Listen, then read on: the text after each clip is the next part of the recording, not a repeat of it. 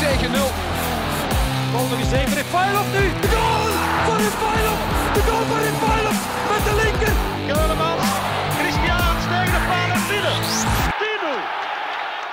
10-0. Een eh, zeer goede namiddag of avond. eh, en welkom bij aflevering 3 van de Klokken, seizoen 2 het is tijd. En vandaag hebben we voor de eerste keer ehm, een externe gast erbij. Vandaag de man van de radio. Je hoort hem eh, vaak bezig op Sporza. Johan de Kaluwe, welkom.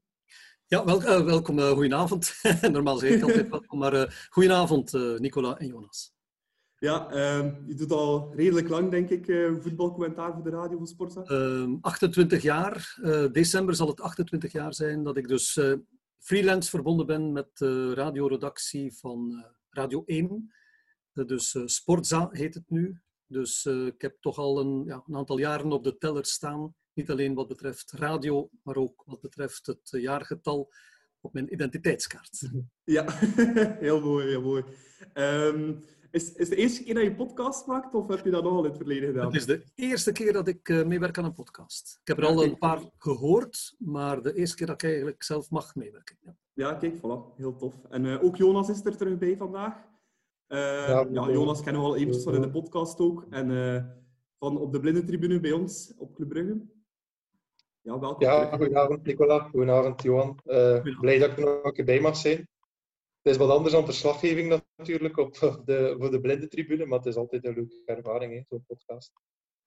Ja, het is een keer eh, iets anders. Een beetje een voetbaltalkshow over Club Brugge dan in specifiek natuurlijk eh, onze podcast. Ehm, ja, we gaan er meteen in vliegen, zou ik zeggen. Ehm, gisteren was ja, de voetbalmatch op Jan Breidel. Johan had het geluk om daarbij te zijn. Alhoewel, eh, zo fantastisch was die wedstrijd niet, eh, Johan. Nee, het was een eh, zeer teleurstellende wedstrijd. Nu moet ik zeggen, ik heb zaterdag Zultewaardig en Waasland-Beveren becommentarieerd voor de radio. En als je daar naartoe rijdt, dan denk je, goed, ja, ik hoop dat het een goede wedstrijd wordt en dat er wat doelpunten vallen, dat ik genoeg stof heb tijdens de match om, om erover te vertellen. Maar als ik die twee wedstrijden vergelijk, dan moet ik jammer genoeg zeggen dat eigenlijk Zultewaardig en Waasland-Beveren eigenlijk een betere match was dan Club Brugge-Beerschot. Terwijl toen ik vertrok naar de match van Club Brugge, had ik natuurlijk een ander idee daarover. Toen dacht ik, ik ga echt een, een goede voetbalmatch zien met, eh, met meer kwaliteit ook eh, dan, in, dan in Zoutwaardig en eh, Waasland-Beveren. Maar dan zie je toch ja, redelijk veel technische fouten ook bij Club Brugge. Het spel gaat traag. En dat verwacht je niet van, van een regerende landskampioen. Zeker niet in een thuismatch. Dus wat dat betreft ja, was het eigenlijk een teleurstelling gisteren. Ja, het, eh, het woord crisis is al een paar keer eh, horen, ik al een paar keer horen vallen hier eh, op en rond het Jan Breidelstadion. Dat is al eventjes geleden, hè, Jonas, de laatste crisis van club. Het is natuurlijk al de derde nederlaag vier officiële wedstrijden. En dat zijn we hier in, in Brugge eigenlijk niet meer zo gewend. Na de afgelopen jaren eigenlijk echt wel verwend geweest. En dan, dan vraag je je soms af, ja, ligt, want Johan sprak daarnet over, het, over de thuismatch, het thuisvoordeel. We zitten natuurlijk al eventjes zonder supporters, iedereen. Ik vraag me dan soms af, is dat voor een, een grotere ploeg dan meer een nadeel? Omdat bijvoorbeeld Club Brugge heeft nogal fanatieke supporters. Zijn, eh, missen ze misschien dat gevoel van gepusht te worden naar, naar voren? Daar ben Ja. ik zeker van. Eh, dat is ook een vraag die gesteld wordt op de persconferentie achteraf van Philippe Clement. Dus hij gaf ook wel toe, we missen natuurlijk die, eh, die supporters. Het is natuurlijk voor iedereen gelijk. Hè? Dus het is niet enkel Club Brugge dat speelt zonder zijn supporters. Maar als je dan kijkt naar de uitslagen tot nu toe in deze competitie, dan zie je toch ja, redelijk opvallende uitslagen. En, en de rol van het thuispubliek, denk ik, mag je niet onderschatten. Eh, het is het eh, naar voren stuwen van de spelers. Het is, denk ik, de spelers over een, een eventueel doodmoment helpen. En vooral, denk ik dan, eh, de spelers zich boven zichzelf laten uitstijgen. Hè, En, en misschien op hun niveau of zelfs boven hun niveau laten voetballen. En als ik dan zie dat toch heel veel spelers van Club Brugge onder hun niveau spelen, op dit moment is natuurlijk een momentopname. Er zijn misschien ook andere oorzaken. Eh, maar dan is het toch volgens mij het publiek dat die spelers naar een hoger niveau kan tillen en, en dat gewoon ook doet. Ik denk dat Mechelen ook een redelijk fanatiek eh, publiek heeft. Maar nu, Mechelen verliest ook thuis van Cercle. Dat gebeurt misschien niet, of niet zo makkelijk, als daar een vol stadion die ploeg vooruit gaat stuwen. En zeker in Jan Breidel, daar kan het echt ja, toveren. Hè. Ik heb vroeger, hè, toen we nog met de radio langs de zijlijn mochten staan, dat mag nu niet meer. Maar ik heb dus het geluk gehad van een aantal matchen echt langs de zijlijn te mogen volgen voor de radio. En als ik dan zo eventjes het schelpje van mijn eh, koptelefoon afdeed, ja, dat, Mhm. dat is een, een, een orkaan van geluid dat werkelijk van die tribunes afrolt. En daar kreeg ik dan als, als simpele verslaggever al een beetje kippenvel van. Dus ik kan me voorstellen dat je dan als speler met die adrenaline, eh, met die concentratie in een match, ja, dat voel je gewoon. En, en dan denk ik, ga je door misschien een pijngrens, wat nu misschien onbewust, hè, want er is geen slechte wil natuurlijk, maar onbewust gebeurt dat nu waarschijnlijk niet.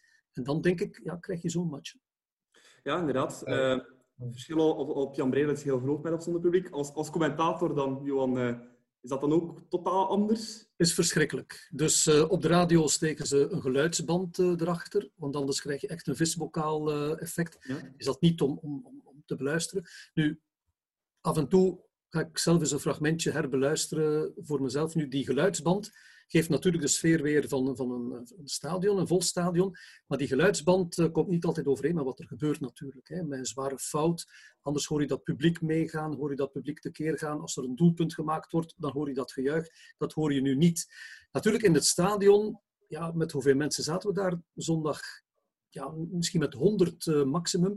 En dan heb je ook op de tribune eh, mensen van het bestuur van Beerschot, mensen van het bestuur van Club Brugge. Dan heb je een paar scouts ook die daar zitten. Maar dan geef ik eigenlijk wel commentaar eh, voor die mensen. Die mensen horen mij dus echt ook commentaar geven. Vind ik persoonlijk Ja. in die zin een beetje vervelend. Anders gaat, gaat mijn commentaar, gaat mijn stem gaat verloren in, in het geluid van de massa.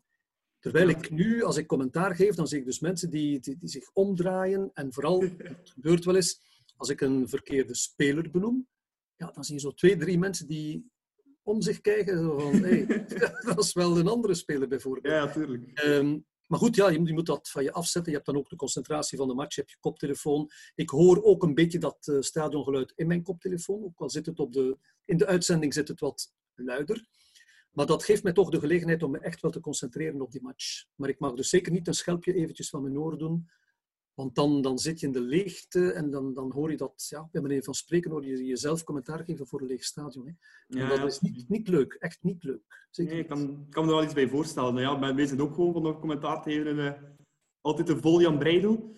Ehm, ja, om dan nog eventjes op de match eh, verder door te gaan. De man is vandaag jaar om een keer de speler er specifiek uit te nemen, Hans van Aken. Is hij een beetje het exponent van het eh, slechte voetbal? Of, of van het niet draaiend Club Brugge op dit moment, Jonas? Of ligt het om meer, meer dan enkel hem? Eh, Ik denk, dat Hans van Aken al langer bekend staat, een beetje als een diesel. Heeft wat tijd nodig, wat wedstrijden nodig om op gang te komen. Maar je ziet wel dat als Hans van Aken niet draait, dan draait Club Brugge niet. Dus wil ik maar zeggen hoe belangrijk dat, dat die speler voor Club Brugge is. En dan natuurlijk ga je als eerste misschien als supporter gaan ergeren als het bij Hans van Aken niet lukt, omdat je weet dat dat zo'n belangrijke speler is. En Vormer hangt ook af van Van Aken. Het hangt niet enkel van hem af, want voorin, denk ik, missen ze iets. Eh, je kan, denk ik, de 18-jarige Badji niet zoveel laten starten. Dat is eerder een speler, denk ik, dat je moet geleidelijk aan laten eh, opkomen. En nu krijgt die jongen eigenlijk meteen de druk van, ik moet het hier gaan doen. En ik denk dat dat geen gezonde situatie is op dit moment. Het probleem van Hans van Aken, als je dat een probleem kunt noemen, denk ik, is dat hij de laatste jaren op zo'n hoog niveau gespeeld heeft, en eigenlijk ook al bij Lokeren, dat hij eigenlijk nog nooit echt teleurgesteld heeft bij Club Brugge. Zelfs bij een minder moment had hij nog altijd het echte niveau van Club Brugge, terwijl hij daar nu onder zit. Ik zou zeggen, het is hem gegund. In die zin, het is ook een mens en ja, heeft nu een mindere periode, zoals elke voetballer die ook heeft. Alleen van Hans van Aken zijn we dat niet gewoon. Ik heb hem gisteren een voorzet zien geven. Ik denk dat ik het ook op de radio heb gezegd. Uh, Hans van Aken onwaardig. Hè, die, die, die bal gewoon achter de goal. En dan zie je ook de, de, ja, de, de lichaamstaal van Hans van Aken. Van, ja, het, het, lukt even niet. Alleen weet je, dat komt terug. En misschien is het een, ja, een voordeel, als je dat zo mag zeggen, dat het nu gebeurt. Hè, nu zitten we nog in die prille ja. competitiefase. Je kunt die fouten nog rechtzetten, je kunt die punten nog terugwinnen. Als dit gebeurt in play-off 1, dan zit je wel met een probleem. Dus ik zou zeggen voor alle clubsupporters, hopen dat Van Aken, een vormer en heel die ploeg ook, die Atta als hij nog blijft, dat die dan wel op niveau zijn op het moment dat de prijzen worden uitgedeeld en dat de punten worden echt verdeeld.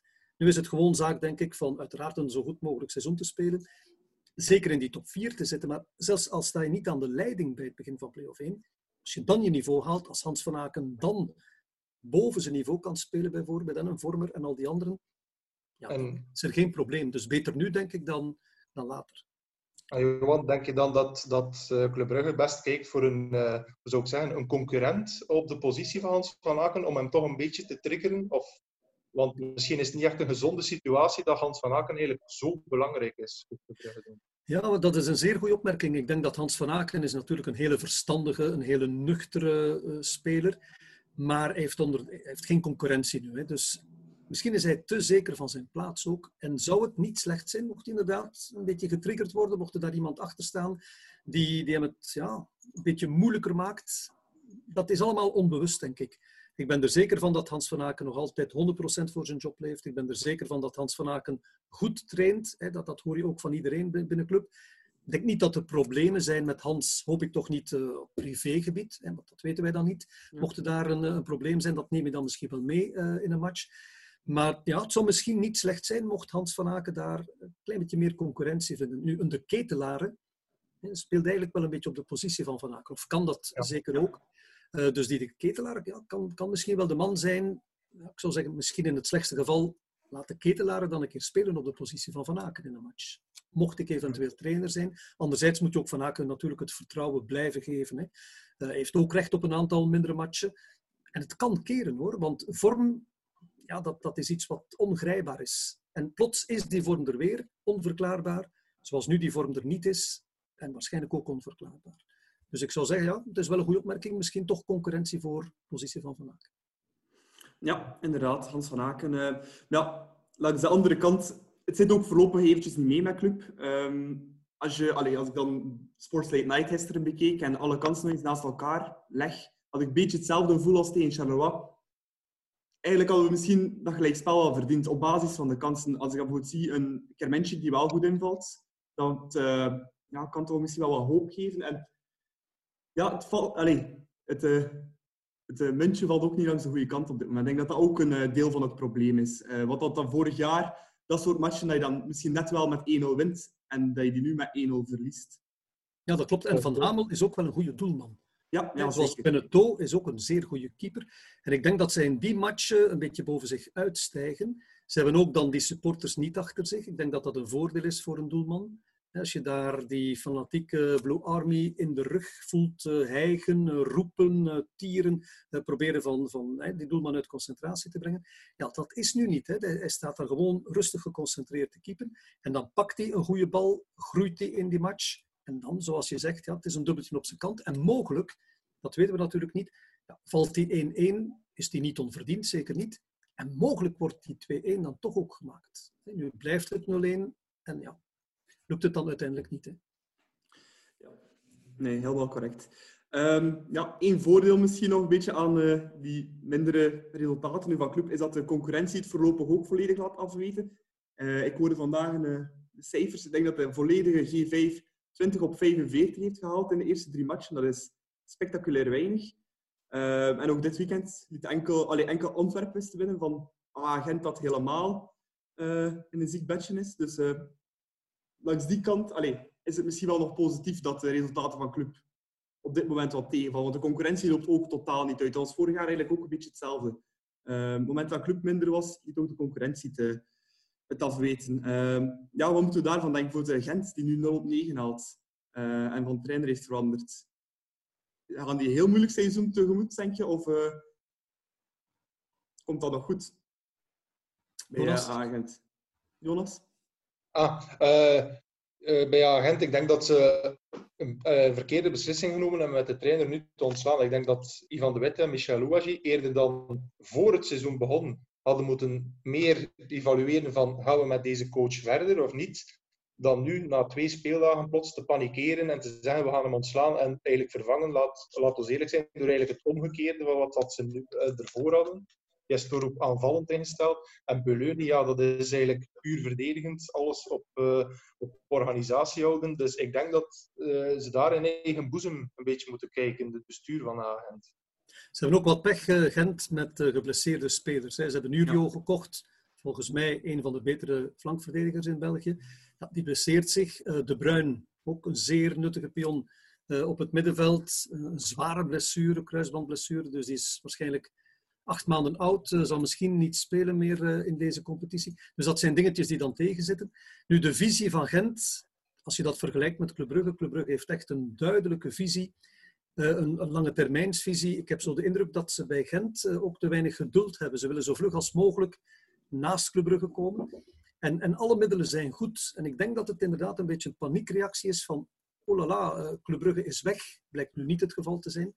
En inderdaad een andere stijl van Boulogne, dat, dat, ja, dat is gewoon zwart tegen wit. Hè. Dus wat dat ja. zal geven, ik weet het niet. Ik weet het niet. En ze missen ook, denk ik, ook een publiek wel een beetje. Hè. Een volle Gelamco Arena is ook een ander decor natuurlijk dan zo dat desolate, die, die lege zitjes tegen Kortrijk. Zit er ook een beetje tegen. Uh, Plastoen speelt dan niet goed op dit moment. Of speelt eigenlijk nooit goed. Op niveau van uh, topniveau. ik bedoel, uh, ja. topniveau. Hè.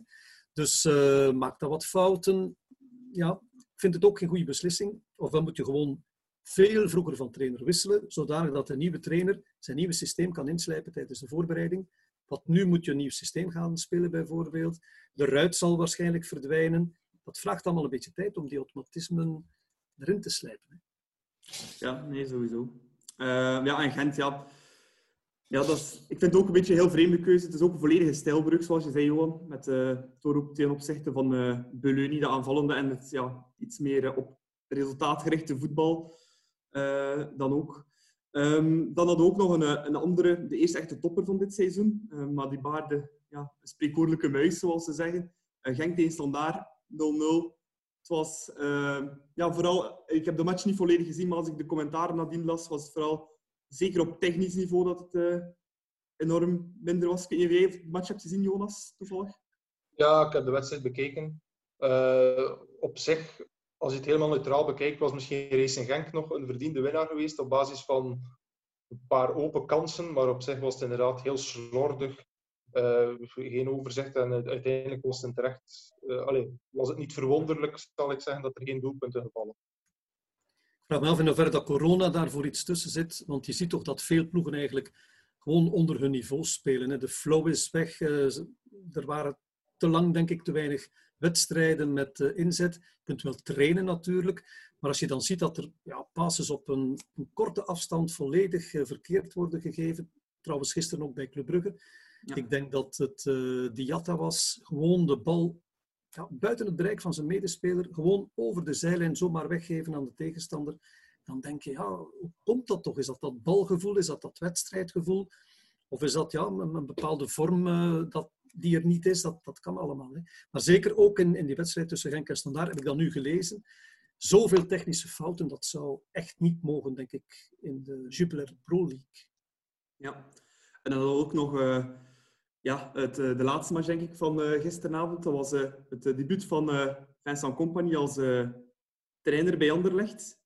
Ja, heeft er wel een beetje pech natuurlijk. Hè. Laatste minuut een goaltje tegen. Maar ja, het is een beetje het relaas van Anderlecht van de laatste weken. Allee, als ik kijk naar Anderlecht pakweg tien jaar geleden, dan waren zij altijd de ploeg die die goal maakte in de laatste minuut. En de laatste ja, pak twee, drie jaar zijn zij die, die hem altijd incasseren. En nu zeker de laatste twee, drie speeldagen is dat wel zeer opvallend, Johan. Ja, zeer opvallend. Maar ik denk dat uh, Anderlecht ook geluk heeft gehad dat Trebel is mogen blijven meespelen. Want ik heb uh, die tackle nu vandaag gezien. Dat is donker, donkerrood. Onbegrijpelijk dat hij daar een gele kaart voor krijgt.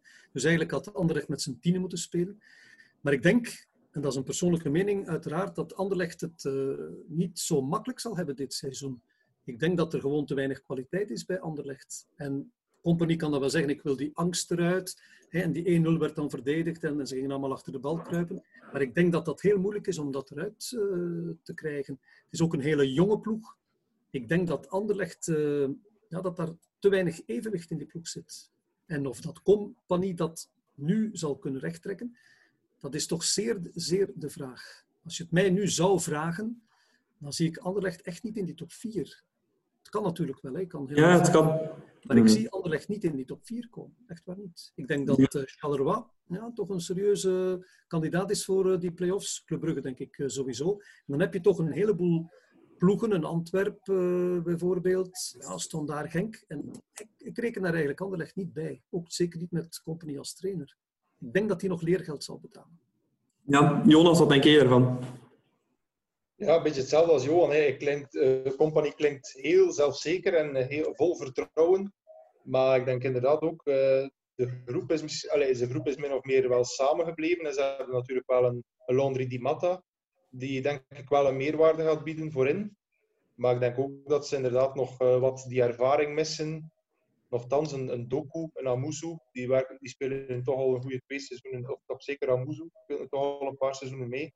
Van die zou je nu toch al wat meer mogen verwachten. Maar achterin zit het ook nog niet echt. Uh, ja, er zit overal nog wat pijnpunten eh, in elke positie. Dus nee, Anderlecht, denk ik ook sowieso een moeilijk seizoen. Ja, en dan misschien uh, een ploeg die uh, niet in het rijtje van klassieke topploegen staat, maar die daar wel mooi helemaal van boven staat. Uh, Charleroi, met Karim Bellossin als trainer. Ja, zien jullie misschien in staat voor een, een te doen, om het spreekwoordelijk te zeggen? Of zoals Lies het ooit gedaan heeft in 97, of Zulte een paar jaar terug, om ja, misschien een keer een gooi te doen om als volledige outsider naar die titel te gaan? Of is daar nog veel te vroeg voor, Johan? Ja, het zou best kunnen. Hè. Ik bedoel, uh, is echt een, een, stevige ploeg. Het is een ploeg die altijd vertrekt vanuit een defensieve organisatie. Hele moeilijke ploeg om tegen te spelen. En die gaan heel veel punten pakken. En een keer dat zij in die flow zitten en blijven, met naar mijn smaak ook een goede trainer, een beetje people manager, uh, trainer die vertrouwen geeft, uh, vast systeem ook. Ja, als zij daarvoor in blijven en gaan in die top 4 zitten voor de play-off 1, ja, een verplaatsing naar uh, Charleroi. Dat is niet uh, een zondagsuitstapje. En zoals we thuis gezien hebben hier in Brugge, spelen tegen Charleroi. Dat is ook niet zo simpel. Zeker niet als je dan achterkomt. dan gaat alles dicht en gaan ze nog meer counteren. En daar zitten wel goede spelers in hoor. Ik denk aan die uh, Ilai Maharitra, zo'n beetje de ja. tongbreker uh, op de radio. Dat is een uitstekende speler. Ook achterin, de Soleil. Misschien een beetje onderschat. Maar die organiseert toch uitstekend zijn defensie. Die hebben dan voorin ook uh, een paar uh, goede spelers. Rezai scoort bij Charleroi, doet het niet bij club, maar hij maakt wel zijn doelpunten ginder. Dus um, ja, een Lestertje doen, ja, dat is misschien een beetje overdreven, maar ik denk dat zij gaan meedoen ja, tot misschien twee, drie speeldagen van het einde. Hoor. Dat zou wel kunnen. Ja, want het is ook niet het eerste jaar, Jonas, dat, uh, dat Charleroi... Echt voor die play-off plaats. Allee, vroeger was het play-off 1 met zes ploegen, maar nu met vier ziet het eerste jaar, Jonas, dat hij ja, daar zo dicht bij die top aan begint te leunen. En uh, echt als vaste subtopper toch wel in Belgisch voetbal gevestigd zijn. Ja, vroeger was Charleroi zo'n beetje een, uh, ja, een uh, ploeg die heen en weer een beetje een, heel goed seizoen draaien, dan weer wat minder. Maar sinds Felice Mazou is daar wel wat stabiliteit in gekomen. En nu met Belossin is het eigenlijk nog wat aanvallender misschien. Allee, niet altijd even aanvallend, maar wel heel efficiënt voetbal te spelen. En inderdaad, die twee Iraniërs daarvan voor, Golizadeh en Rezai, die vinden elkaar echt uh, perfect. Uh, om nu echt mee te doen voor de titel, weet ik niet echt. Wel, misschien wel een misschien niet zo grote kern om zo lang te kunnen meedoen. Maar zeker wel in de top 4, denk ik. Sowieso. Ze hebben ook een voorzitter die heel veel relaties heeft, hè, om zijn ja. broer bijvoorbeeld niet te noemen.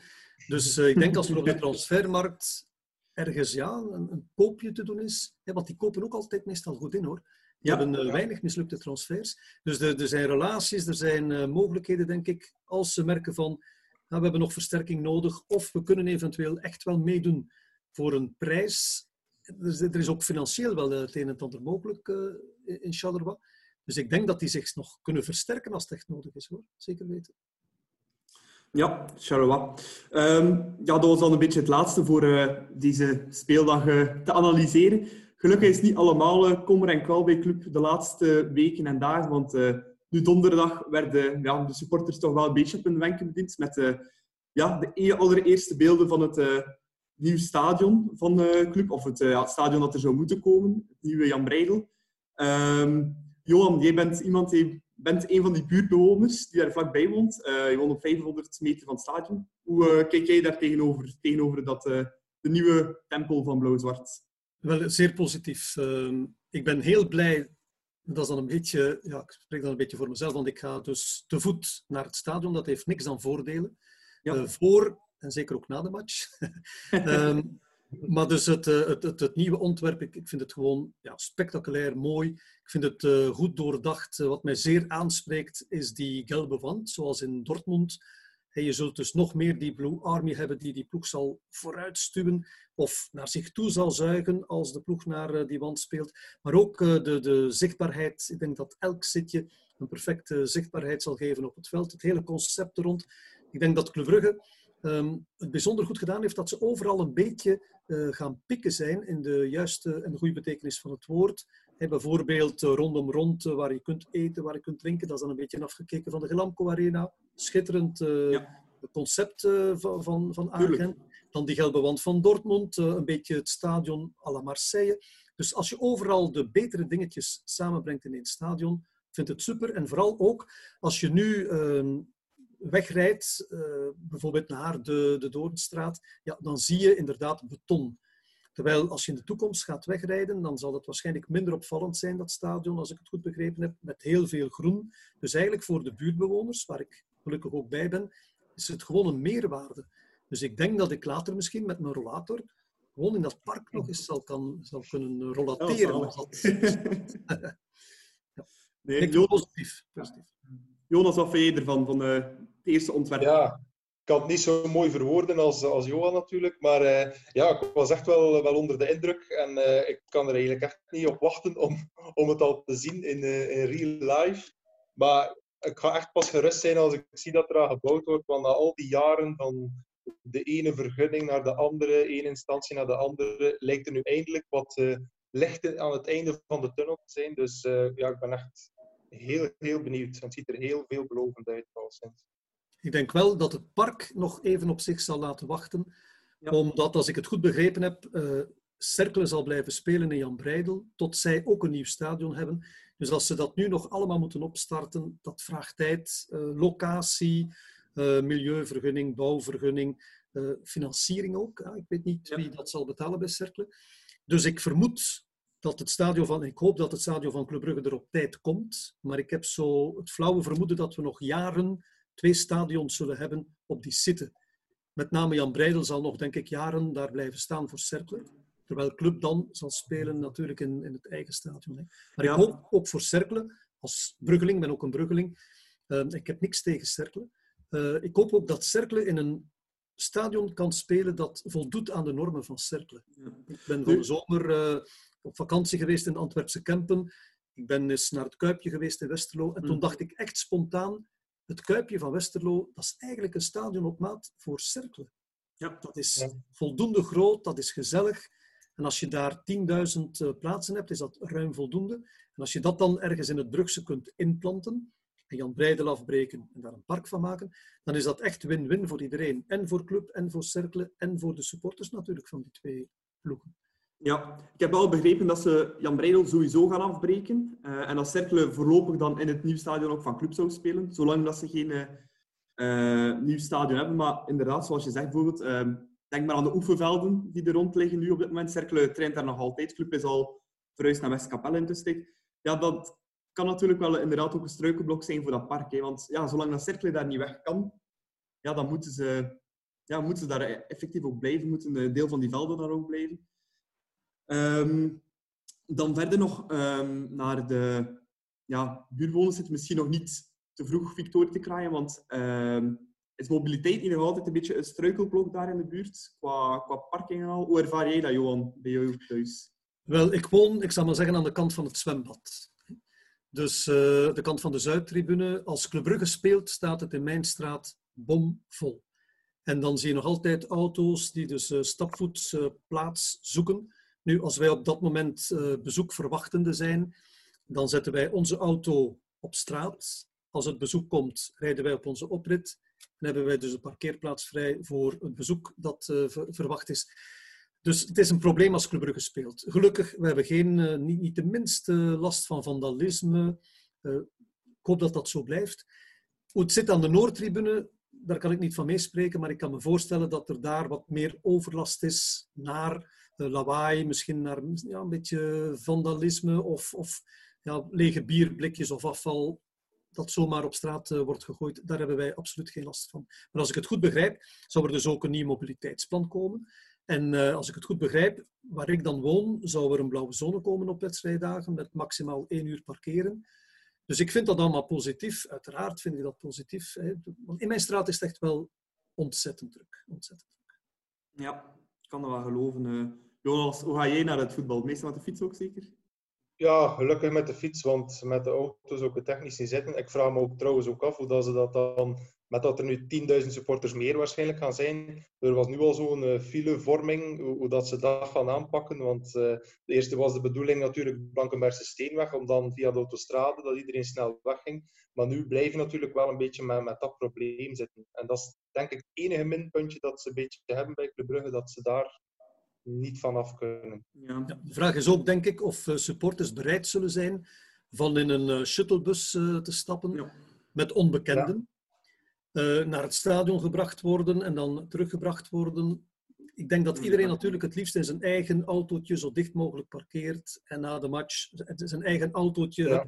en ondertussen bijvoorbeeld ook naar de radio luisteren. Want voor ons is dat dan zeer interessant. Ik weet uit ervaring dat heel veel mensen op de terugweg luisteren naar de interviews dan en, en, en, andere matchen die aan de gang zijn. Dus uh, in het andere geval zit je ja, in een shuttle die waarschijnlijk dan ook in een soort file zal uh, terechtkomen. En die moeten dan die mensen naar een parkeerplaats brengen. Ik vraag me af of de modale supporter dat zal willen. Het is ook een gewoonte natuurlijk. Hè. Het zal een beetje tijd vragen, maar als je dat gewoon bent en je rekent bijvoorbeeld, ik zeg maar wat, 20 minuten om van je parkeerplaats naar het stadion te gaan. Ik denk dat dat een normale tijd is die je mag rekenen dat je dat anders ook doet als je te voet gaat. Hè. Dus uh, ja, het zal een beetje, dat is inderdaad wel een beetje een pijnpuntje, denk ik. Die mobiliteit, om dat op te lossen. Je zit toch altijd met 40.000 mensen die ter plaatse moeten komen. Hè. Dus uh, ja. ik denk dat ze daar nog eens goed moeten over nadenken. Ja, het is een beetje naar Duitse model. Ik ben uh, twee jaar geleden denk ik naar Dortmund eens gaan kijken tegen Werder Bremen. toen ook ja, gewoon kaarten gekocht. En daar is eigenlijk in principe ook hetzelfde. Dus daar heb je ook parkings, heel erg ver van het stadion. Dus ja, denk ik kilometer of twee, drie daarvan dat een beetje gelijkaardig met nu. Zouden een uh, Jabbeke en Varsnaren een uh, grote parking zetten. Uh, en daar word je ook met de bus gebracht. Maar dat is, daar is dat ook iets meer gewoond. Ik denk dat je, zoals je zegt, Johan, ik denk dat de supporters ook iets meer gewoon zullen moeten worden om op een andere manier naar het stadion te gaan dan dat, dat nu het geval is. Um, dus ja, dan is het zeer belangrijk, denk ik, als je dan die, dat offer brengt, hè, om het zo te zeggen, dat je dan goed ontvang, ontvangen wordt. Dat je zegt, ik ga naar een stadion waar ik een fantastische zitplaats heb, waar ik een fantastische beleving zal hebben. Het is mij echt de moeite om 20 minuten in een shuttlebus te gaan zitten, want wat mij wacht, super.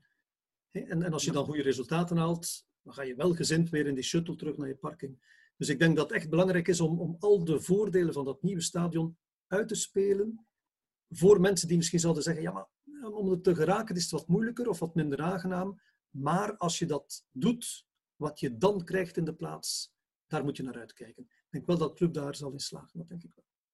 Ja, het is natuurlijk ook een uh, hypermodern stadion. Wat vind je trouwens, Jonas, van uh, de vierkante, allee, de kubus-schermen die uh, in het midden van het veld zal hangen? Het, is een beetje, het lijkt een beetje op in Frankfurt en Schalke hebben ze het ook. Frankfurt en Schalke is het ook. Ik denk wel dat dat een aangename beleving zal zijn. Echt de modernste snufjes, hè. Ja, ja. Dus ook een beetje denken aan NBA, hè? Dus, uh, of ja. basketbal in, in het algemeen, waar je dus ook centraal boven uh, het speelveld die, die, die, die uh, lichtschermen hebt of die beeldschermen. Ja, ik vind het super, echt fantastisch. Ja. ja, wat ik ook een heel positief gegeven vind, en um, wat dat ook in het huidige stadion is, dat de tribunes zeer kort op het veld zitten. Een beetje naar Engels model, want ik ben al een paar keer ook in de Glamco Arena geweest. Fantastisch stadion qua uh, faciliteiten. Ik bedoel, je hebt daar uh, binnen een minuut tijdens rust een pintje. En Jan Breidel, ja, mag je daar niet van dromen. Mag je blij zijn dat je de eerste tien minuten van de tweede helft niet gemist hebt als je een biertje wil gaan. Um, dus um, dat is het enige, dat is wel hetgeen waar ik heel content om ben. Want bij Gent heb je dan die, uh, ja... Die gracht. Die gracht. En ja. ja. dan mis je toch wel een beetje ja, die, die sfeer in dat stadion. Dus ik ben blij dat ze ook puur naar het uh, sfeergebeuren ook gekeken hebben. Om echt zoals je zei ook, Johan, die gelbe wand uh, te hebben, dat je echt heel imposant... Maar het is ook een, vrij... Allez, voor de, het aantal supporters dat er binnen kan, is het een vrij uh, klein stadion. Dus alles zal zeer compact op elkaar zijn. Dus uh, ik denk dat dat ook wel de sfeer te goede zal komen. Ja, ik denk dat het beter is van een stadion te hebben die, dat, dat voor 80% bijvoorbeeld vol zit. En als je dan die 20% een beetje kunt verdoezelen, dat je echt de indruk hebt, het zit hier altijd helemaal vol is veel beter dan een, dan een stadion waar, waar je zo veel lege vakken ziet. Dat is ook niet echt goed voor de sfeer. Ik denk dat de Club Brugge daar ook wel rekening mee houdt. Dat ze dus echt rondom rond dat publiek gaan hebben. En, en vooral het publiek dat als het ware die spelers kan aanraken. Hè. Dus zoals vroeger op de klokken bijvoorbeeld. Ja. Dat, dat is, ik heb het geluk gehad van dus de klokken mee te maken. Ja. Als kleine jongen stond ik dus echt aan de balustrade. Ik herinner mij ooit een club Anderlecht, ik moet een jaar of tien geweest zijn.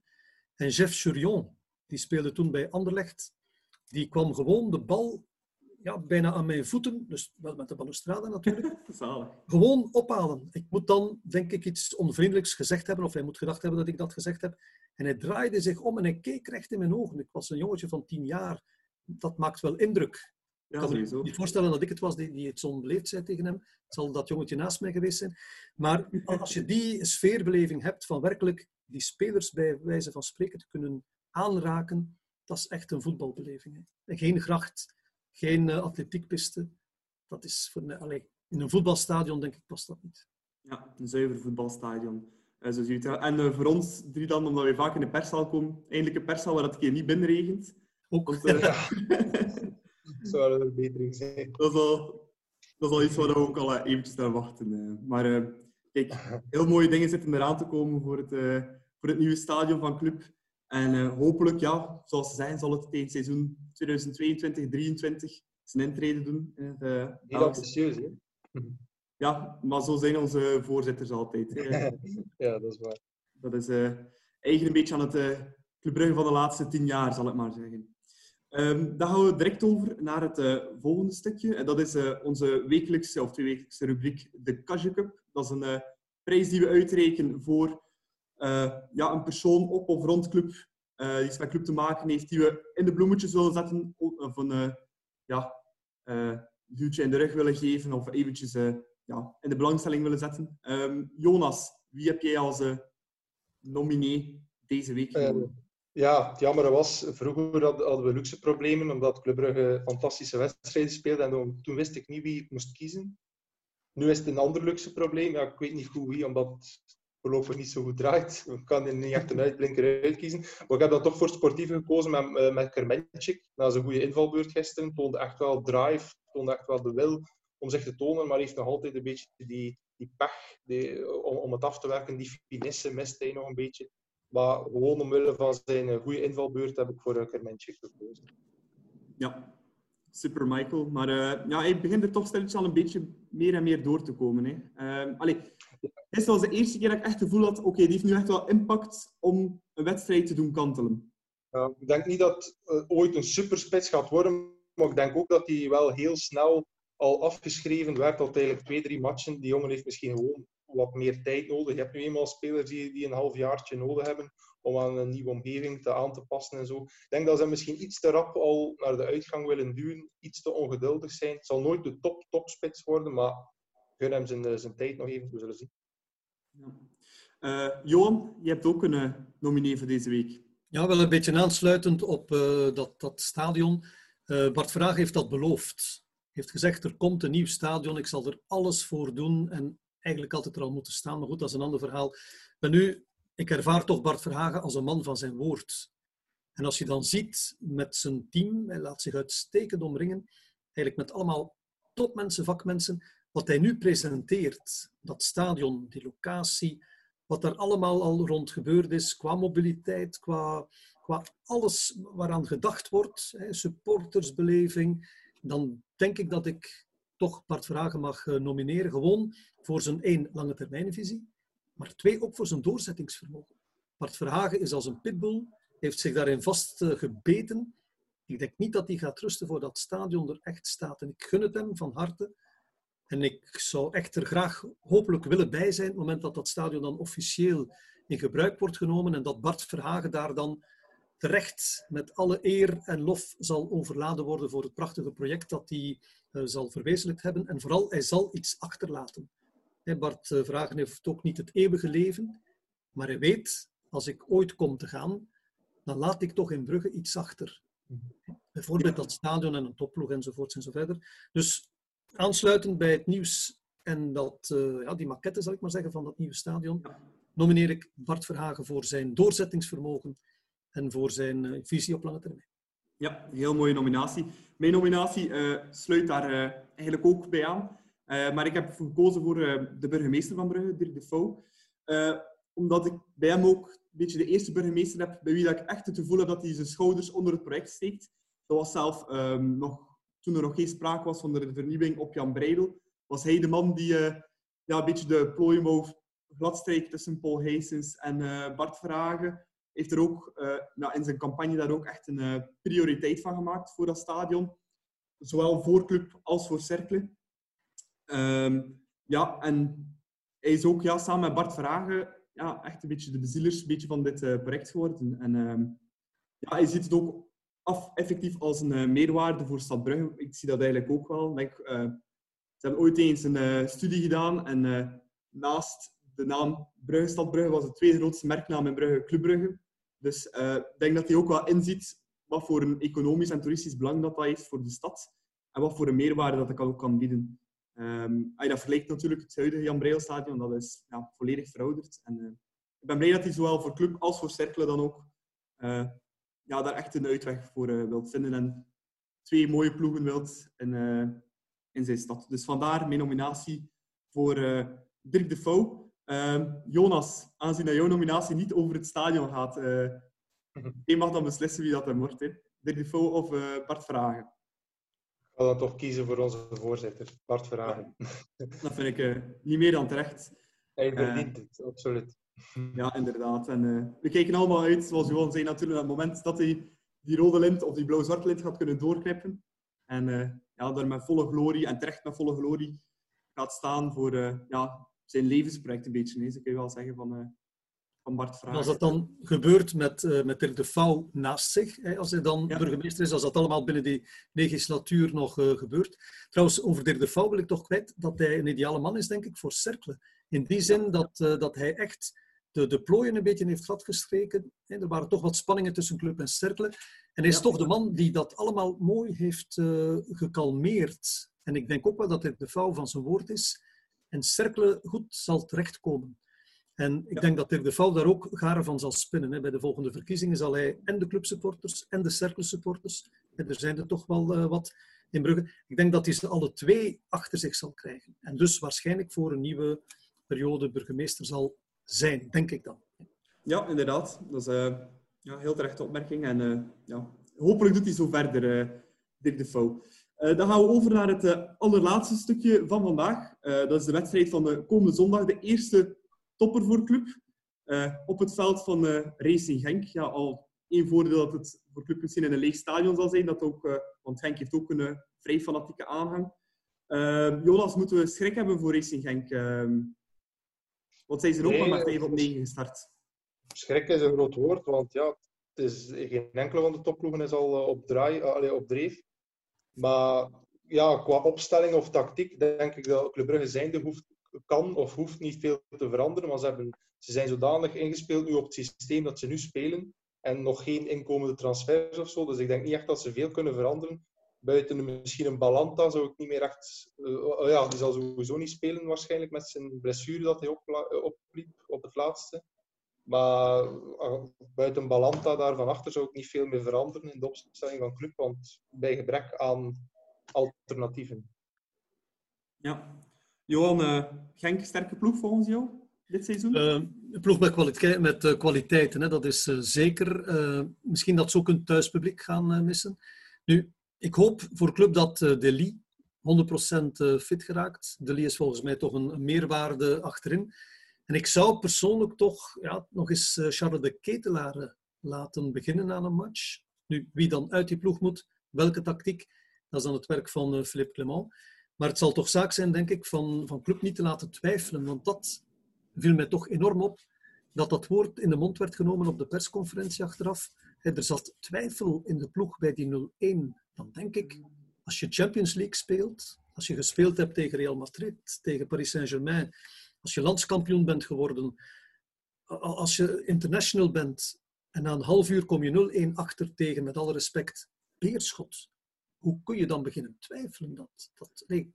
Dus ik hoop dat, dat die twijfel dat dat weg zal zijn en dat Club Brugge gewoon uitgaat van eigen sterkte en niet Autun gaat spelen, maar goed van, van, van het eigen sterkte en vooral als team en, en liefst ook een versnelling hoger. Want dat viel mij toch een beetje tegen. Trage opbouw, vond ik. Ja, liefst uh, erin vliegen, uh, een beetje op zijn brugs. En dan bluffen gaan. Bluffen ja, het is ook natuurlijk... Genk uh, is ook een iets ja, meer voetballende ploeg, zal ik maar zeggen, dan... dan um, ja, pakweg Antwerpen, Charleroi, Beerschot. Daar, daar komen telkens 1-0 tegen achter, vroeg in, vroeg in de wedstrijd in feite, of in de eerste helft. Ja, die smeten dan alles toe. En dan wordt het heel moeilijk um, voor club om daar ja, dat gaatje te vinden. Dat is misschien ook wel een beetje de moeilijkheid op dit moment. Um, maar ik denk niet dat Genk zo gaat spelen, uh, Jonas, als zij voor, voor zouden komen. Want Hannes Wolf is wel een man die uh, ja, voor aan voor voetbal staat en echt voor te blijven voetballen. Ik ook niet dat uh, als Racing Genk zijnde kan je dat niet permitteren. Oké, resultaat is belangrijk, maar ik denk niet, inderdaad niet zoals hij zegt, dat Hannes Wolf zegt van oké, we staan hier even voor de boel toe. Uh, die wil altijd uh, goed voetbal zien, goed aanvallend. En dat kan misschien inderdaad wel in de kaart spelen van Club Brugge, dat ze nu inderdaad een tegenstander hebben die ook mee wil voetballen, wat meer ruimte. Dus het kan zeker in de kaart spelen van Club. En ik denk dan dat je een betere Van Aken zult zien, omdat hij wat meer ruimte zal hebben en vooral omdat spelers dan in die ruimte kunnen duiken. En als hij dan ja, een paar goede passes kan geven, en bijvoorbeeld een Diatta kan lanceren of, of schrijvers, uh, ja, dan gaan we misschien wel iets heel moois zien. Uh, denk, En het is misschien wel belangrijk ook van 0-1 voor te komen. Ja. Dat van 1 8 gewoon een keer 0-1 voorkomen. En dan blijven voetballen. Zeker niet die 0-1 gaan verdedigen, maar blijven voetballen. Genk moet dan komen. Ja, en dan, dan krijg je een open wedstrijd, hoop ik. En dan mag het van mij 2-3 worden. Hè. Ik bedoel, dan zie je vijf doelpunten. Liever ja. 2-3 dan, dan 0-1. Dan, of, of 3-2 of 1 Absoluut. Ja, inderdaad. Um, we gaan misschien toch een klein beetje voor uh, Philippe Clement spelen. Uh, Jonas, uh, ja, vooral de spitsenduo is altijd een zeer groot vraagteken bij club, bij club. Met wie zou je starten van voor? want het zijn al heel veel verschillende duo's geweest, heel veel spelers die we al gezien hebben. wie zou jij kiezen? Ja, ik vind, ik vind het een moeilijke vraag. Zoals ik in het begin zei, Badji zou ik... Ja, ik ga het, ontegensprekelijk is het een enorm talent. En hij zal waarschijnlijk heel ver geraken, maar ik denk ook niet dat we hem nu mogen uh, verbranden en te veel laten spelen. Dus we kunnen misschien een Okereke of een Kermenchik en of uh, eens de kans om zich nog eens te tonen. Uh, ik zou, ja, hoe zouden we het zeggen? Kermenchik Okereke eens proberen voorin. ik weet ja. nooit dat dat pakt. Johan, ik zou, ja, ik zou Okereke als diepe spits zetten en de ketelaren erachter. Ja, dat zou leuk zijn. Dan, uh, ja, ja. Die beschrijvers ook uh, rond uh, laten zwerven. En die twee voor verwarring laten zorgen. En ook Reken moet toch, vroeg of laat, moet hij toch weer doelpunten beginnen maken. Kan toch niet anders. Ja, ja ik denk dat er genoeg, meer dan genoeg talent zit in die jongen. Ik vond het wel een beetje vreemd dat hij tegen Beerschot ineens op de rechtsmidden stond te spelen. Ook Reken. Ja, dat, is, uh, ja, dat zijn zo van die, van die beslissingen. Waarschijnlijk is dat in de week ook op getraind, uh, op, op die variant. En, en dan wordt dat geprobeerd. Maar ik persoonlijk vind Okereke toch een diepere of een diepe spits. Ik vind, vind geen flankspeler. Ja. Oké, okay. om uh, dan het helemaal af te maken, uh, het stukje Racing Genk Club Brugge. Uh, Jonas, heb je nog een pronostiekje? Um, ik zou zeggen 1-2. Elke spits scoort een goal. ja. Johan? 0-3. Doelpunten van Okereke, de ketelaren en schrijvers. Ja, daar teken ik direct voor. ik zelf ga gaan voor uh, de 2-3. Voor een spectaculaire wedstrijd met vijf doelpunten. En ook uh, drie langs uh, Brugse kant. Voilà, dan zijn we helemaal op het einde gekomen van onze podcast. Eerst en vooral wil ik Johan bedanken voor de erbij zijn. Hopelijk vond je het een beetje leuk. Ik vond het heel leuk, graag gedaan. Echt waar, ik vond het heel plezant. Ja, dus we mogen je nog een keer vragen als we nog een keer een, absoluut, absoluut. een aflevering doen. Nee, het was heel plezant met jou erbij. Uh, ook Jonas wil ik natuurlijk ook bedanken voor er opnieuw bij te zijn. Ga je binnenkort nog een keer zien, denk ik, Jonas. Ja, dank u wel, Nicola. Dank je wel, Johan, voor erbij te zijn. Graag gedaan. En we zien elkaar, uh, denk ik, in Jan Breidel. Hè? Ja, ja, absoluut. Hopelijk zo snel mogelijk. Ja. Terug in de perszaal. Ja. Uh, ja, dat we maar rap terug in een volle stadions kunnen gaan spelen. En in een nieuw stadion. Dat zou helemaal de max zijn. En vooral dat mensen in het stadion mijn commentaar niet meer horen, maar enkel op de radio. ja, dat is inderdaad... Ik geloof dat dat inderdaad een beetje ambetant is soms. Nu, uh, als allerlaatste ga ik juist nog eens de kanalen herhalen. Uh, je kan ons volgen op Twitter met @deklokkenpodcast of @thebluesfcb. Met de hashtag De Klokken kan je ons volgen. En als je vragen, opmerkingen, suggesties of iets anders hebt, kan je altijd een mailtje sturen naar podcast.bluesfcb.be. Dank voor het luisteren en tot over een uh, tweetal weken voor uh, de volgende aflevering van De Klokken. Tot dan. Tweede paal is toch goal! Het is 3-4! Ryan Tom komt het erin! Daar is Alderweireld en daar is Eidel! Hij gaat die vierde maken, denk ik. Ja hoor, Jamie Simons, 4 tegen 0. Bal nog eens even, Refailov nu! De goal! Van Refailov!